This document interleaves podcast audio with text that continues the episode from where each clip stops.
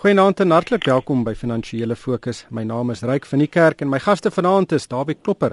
Hy is 'n beleggingskenner by PSG in Pretoria. Goeienaand Dawie. Goeienaand Ryk. En uit die Kaap gesels Jan van die Kerk. Hy's 'n beleggingskenner by RCM. Goeienaand Jan. Hallo Ryk. Dawie, ek wil begin by die rand. Ons het nou die laaste tyd 'n baie wisselvallige geldeenheid gesien. Uh 8 Desember verlede jaar, dis die dag voordat uh Nhlanhla Nene afgedank is as die minister van Finansies, het die rand gestaan op R14.58 teen die dollar. En na daai hele uh, sirkus het die rand verswak tot op 18 Januarie uh, het hy geval tot R16.85 by die R17. En vandag staan hy weer op R14.30 uh, teen die dollar. Uh, dit is 'n uh, 18% verstewiging van die laagtepunt in Januarie. Hoe lees jy die hierdie bulloopie van die rand sedertdien? Ja, 'n paar goed wat ek sou graag wil opmerk daaroor is punt nommer 1, die rand was duidelik en is nou al vir 'n geruime tyd duidelik hopeloos te swak, onderwaardeer en toe het hy met die nuus van die minister se afdanking nog verder gaan verswak. Ons moet onthou en die stukkie navorsing wat Rand Aksiebank onlangs gedoen het oor wat die faktore is wat die rand dryf. Daar's drie basiese groot makro-ekonomiese impakte wat die rand in 'n rigting dryf. Een is die dollar se sterkte aan die ander kant van die vergelyking. Die tweede ding is kommoditeitspryse se swakte lei tot 'n swakker rand. En dan die derde ding is ons eie toedoen. Hierdie goed, die Eskom kragkrisis, die president en hierdie afdanking, die klas van goed. Die kommoditeitspryse het die afgelope maand of twee goed goed herstel. Ons noem dit die groen lote wat ons sien wat besig is om te verskyn. Die oliepryse is aan die styg, die koperprys styg, die ysterertspryse styg, platinumpryse is oor 1000 dollar. So dit ondersteun die rand. Die dollar het die afgelope tyd 'n bietjie verswak. Hy was onlangs op 108 teen die euro, hy's nou op 113 in daardie omgewing teen die euro. En dan natuurlik ons eie toedoen, hierdie goed wat ons nou oor praat, die president en die frustrasie wat daar rondom heers, die is is, is miskien minder weg, maar die ander twee faktore het dan wat omtrent 60% van die rand se swakte kon verklaar of die verstewiging kan verklaar, het in die ander het in die regte rigting begin beweeg. So dalk moet ons nie heeltemal so verbaas wees nie. As ons dit saam lees met die onderwaardasie van die rand wat omtrent eerder op koopkragpariteit hier nader aan R10 moet staan, dan was die rand baie duidelik te swak en was die oproepe dat die rand na 20 en 25 rand teen die dollar gaan gaan en dat almal moet geld land uitvat voortydig en verkeerd. Jan Ja, ek dink ek wil miskien net twee goed byvoeg by wat uh, daar weer gesê het. Intussen is Suid-Afrikaanse rentekoerse hoër en ek dink as jy kyk op internasionale markte is dit geneig dat lande met hoë rentekoerse is geneig om sterker geldeenhede te hê. So hier Suid-Afrika is in 'n siklus waar ons kortkoerse besig is om te styg en die vooruitskatting dat Amerikaanse koerse sou styg het bietjie verminder dat ek dink beleggers het oor die algemeen vrede gemaak dat rentekoerse vir 'n lang tyd nog laag gaan bly en dit tel ook in die rand se guns. En dan moet ons nie vergeet nie dat die rand uiteindelik maar tot 'n groot mate beweeg saam met onlykende markte geld hier nie en dis nie net die rand nie. Ek bedoel die Brazil real is nog sterker as die rand hierdie jaar en weet jy kan maar net die die hoofopskrifte in die koerante lees om te sien hoe sleg dinge in in Brasilia gaan. So weet tot 'n groot mate is die plaaslike impak van hoe die politiek werk uiteindelik maar min van invloed daar en ek is geneig om met Dawie saam te stem dat uh weet ek dink jy moet kyk na die makrofaktore buite Suid-Afrika om die sterkte te te ver, verduidelik. Jan, dink jy hy kan nog verder verstewig? Ja, ek dink as jy na Suid-Afrika se geskiedenis kyk en 'n vorige keer waar die geld eenheid so ver oorskiet het uh in 2001 het dit gegaan tot weet meer as R13 per dollar en uiteindelik het dit versterk uh weet toe die kommoditeitsiklus uiteindelik inskop, weet dit gedraai by R5.60 teen 'n dollar as ek reg onthou. So, ehm um, ek dink jy moet aanvaar dat ons geldeenheid is baie likwid uh, en is wisselvallig en dis 'n weet dis 'n transaksie wat baie beleggers kan doen om blootstelling aan onlykende markte te kry. En weet beleggers is uh, se geheue is kort. So ek vermoed dat as jy vir 'n tydjie nog 'n sterker geldeenheid kry, dan begin hulle vergeet van al die goed wat hulle skrik gemaak het laas jaar en ons kan nog 'n sterker rand sien. Hmm. Daarby nog goeie nuus was uh die inflasiekoers uh, vir Maart. Ehm um, Statistiek Suid-Afrika het 'n uh, navorsing gedoen en bevind dat in Maart was die koers 6,3% ehm um, wat heelwat laer was as die 7% wat in Februarie gemeet is.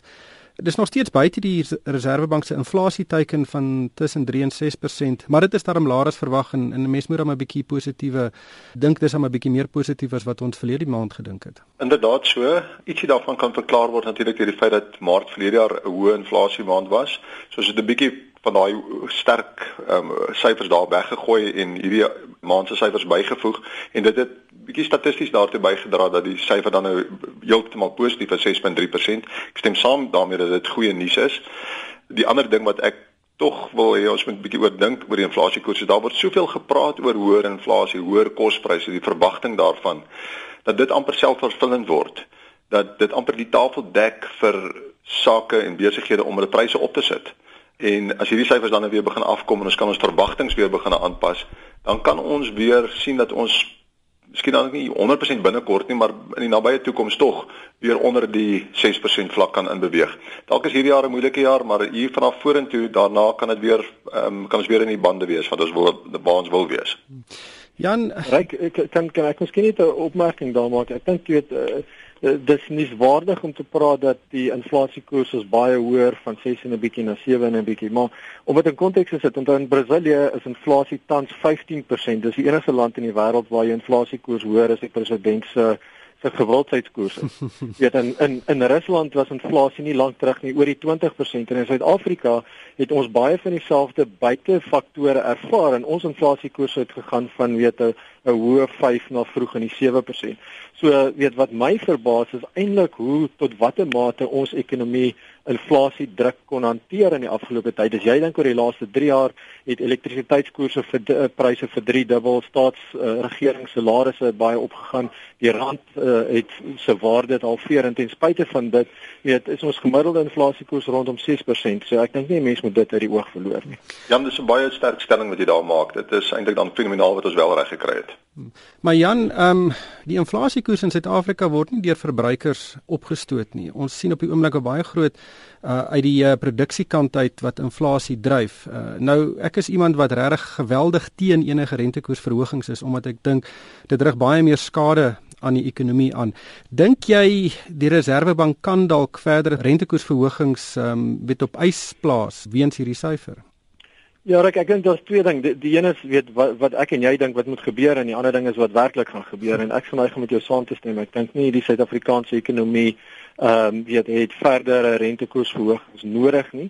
Ek dink die plaaslike ekonomie kan dit uh, uh, weet dra nie, maar dit beteken nie dat die Reserwebank na ons gaan luister nie. My vermoede is dat rentekoerse teen teen nog 'n bietjie gaan styg. Onthou, ons het al reeds 2% verhogings uh onder die blad uh, of agter die blad weet in die afgelope tyd terwyl die res van die wêreld rentekoerse nog nie regtig gestyg het nie. So uh weet ek dink daar's genoeg prysaanpassings in die res van die ekonomie uh weet om die regte syne te gee vir verbruikers en produsente. Ehm um, weet so ek dink nie dis nodig nie, maar my vermoede is dit gaan gebeur. Dawie, het jy 'n siening oor rentekoerse? Ja, ek ek is ek stem saam met jou argument dat ek ook nie hou van hoë rentekoerse nie, maar dat dit moontlik gaan gebeur is ook dalk gewis. En mens moet miskien dalk net onthou dat met hierdie dat 'n klomp ander geadministreerde pryse in die ekonomie en die vakbonde nie wil hierdie 3 tot 6% teiken werklik aanvaar nie want hulle steur nie eenvoudig nie daarin en sit pryse op veel meer as dit. Hierdie Reservebank nie is dit omtrent die enigste instrument wat die Reservebank het om vir hierdie partye te sê maar ons het jy weet ons gaan die ekonomie moet bly terugsny of al hierdie negatiewe goed doen omdat julle nie wil saamwerk nie. Hmm en en dit is dalk maar die enigste stop wat hulle het om terug te slaan mee. Ja, die Reservebank kan nie op sy eie inflasie laag hou nie. Dit moet 'n kollektiewe weet 'n uh, proses wees. Uh, Almal moet dit inkoop en dit sluit in die administratiewe pryse soos jy sê en en, en dan ook salarisverhogings en dis meer. Ehm um, Jan, ehm um, ons het ook gesien Nhlanhla Nene is natuurlik die finansminister wat in Desember afgedank is is uh, aangestel as 'n nie uitvoerende direkteur by Ellen Gray en uh, later in die week is hy ook uh, Tebe Investments ook aangekondig dat hy voltyds by hulle gaan aansluit. Ek dink Nishlan Nene is een van die min wet kabinetsministers wat op die oomblik al 'n bewese vlak van integriteit het. Uh, wat maak jy van sy aanstellings daar? Ja, ek dink uh, dit is redelik duidelik dat meneer Nene besef dat weet hy nie 'n uh, toekoms in politiek verder het uh, op hierdie stadium nie en ek dink weet hy my ervaring is dat hy altyd 'n baie pragmatiese man was en is. So ek dink dis 'n groot aanwins vir die twee instansies wat hom kon oortuig om by hulle aan te sluit, weet of in 'n nie uitvoerende of 'n uitvoerende uh, gesag. Uh, ek dink ek en jy en David voor die tyd bietjie gesels, dis dit raak redelik duidelik dat meneer nie, nie nie na die BRICS bank toe gaan nie. En ek dink uh, weet hy het 'n uh, soos hy reg opwerk 'n baie goeie reputasie. 'n Mens sal hoop dat sy integriteit uh weet in die res van besigheid in Suid-Afrika sal sal deurskemer. Ja. Um, en Dawie, uh, nog 'n interessante ontwikkeling is dat Sizwe en Saluba Gobodo, uh, dis een van ek dink ons ons 50 grootste ouditfirma in Suid-Afrika is uh, ook by sy nuwe ouditeur. Nou ook by is natuurlik die maatskappy waar wat uh, die Gupta familie se belange huisves. Uh, hulle aanstelling volg ook nadat KPMG bedank het as die ouditeur en hulle gesê het die feit dat hulle uh, verbind is aan ook by kan vir hulle reputasie skade berokken. Dink jy uh, Sizwe en Saluba Gobodo is op 'n gevaarlike terrein hier of is elke maatskappy geregtig op 'n ouditeur? ek dink is baie opportunisties in die proses. Hulle kry net die klomp besigheid. Mens moet seker vra hoekom het die ander partye weggestap ook die bank op 'n stadium nou weggestap van Oupay af. Ehm um, en wat het waarvoor was hulle bang? En dan weet saam met hierdie ding kom ook natuurlik die kabinet wat gesê het dat hulle gaan nou maar met die banke praat om tog maar by se bankrekenings aan die gang te hou. En ehm um, weet hierna hierdie Panama Papers bekend gemaak is en al hierdie deursigtigheid nou na vore wil kom en hierdie globale verslagdoeningsstelsel wat hier van 1 April af in die wêreld in volgende jaar in werking gestel gaan word, gaan dinge baie meer deursigtig word en wil maatskappye nie betrokke wees by besighede wat dalk iets onder die dekmantel doen nie. En gaan hierdie goed na na bo kom en gaan daar baie meer gekommunikeer word en dit is tog die reëls wat van daardie nuwe standaarde wat neergelê word aan voldoen gaan moet word. Die G20 het gesê hulle sal daaraan voldoen. En dus dink ek moet mense amper die ding omgooi en sê dat die banke was reg, die kabinet en dan nou hierdie nuwe auditeursfirmas nie noodwendig reg om betrokke te raak by hierdie besigheid nie. 'n Mens moet vra dat wat is dit wat hierdie ouens afgesit het in die eerste plek? En ons het tog baie goeie vermoedens dat hierdie besigheid ehm um, tog onbehoorlik um, ondersteuning kry van die kabinet af en dat die minister saam met hulle ry na Switserland toe om te gaan help met onderhandelinge om besighede oor te neem. So ek is baie baie ongemaklik met hierdie goed wat aan die gebeur is en ehm um, mense sou graag wil sien nie wou sien dat die dat die kabinet hierby betrokke raak nie. Ek dink mense sou graag wou sê dat ehm um, dit's eerder die kabinet sê nee maar ons gaan die res van die wêreld afstoot as die banke nie wil betrokke raak by hierdie besigheid nie. Ek dink eerder die omgekeerde is waar. Hmm. Die banke het hulle regulatoriese verpligtinge nagekom deur weg te stap en dit word gesien as baie positief in die res van die wêreld. Die omgekeerde mag dalk nie waar wees nie. Ja ja, banke sluit nie sommer ehm um, bankrekenings nie. En ek dink wat die wat die perskonferensie na die kabinetsvergadering nie baie duidelik gestel het nie, is dat uh, dit lyk nie of die kabinet besef hoekom daai rekenings uh, gesluit is nie. En uh, die bankvereniging het reeds gesê Die banke het stappe geneem in terme van die FICA wetgewing en die FICA wetgewing is 'n internasionale wetgewing soos Dawie nou net gesê het wat daarop gemik is om geldwasery te bekamp. Ehm um, en ek dink ons moet weet hoekom is daai rekenings gesluit? Is daar enigsins verdagte transaksies uh, opgemerk in daai bankrekenings?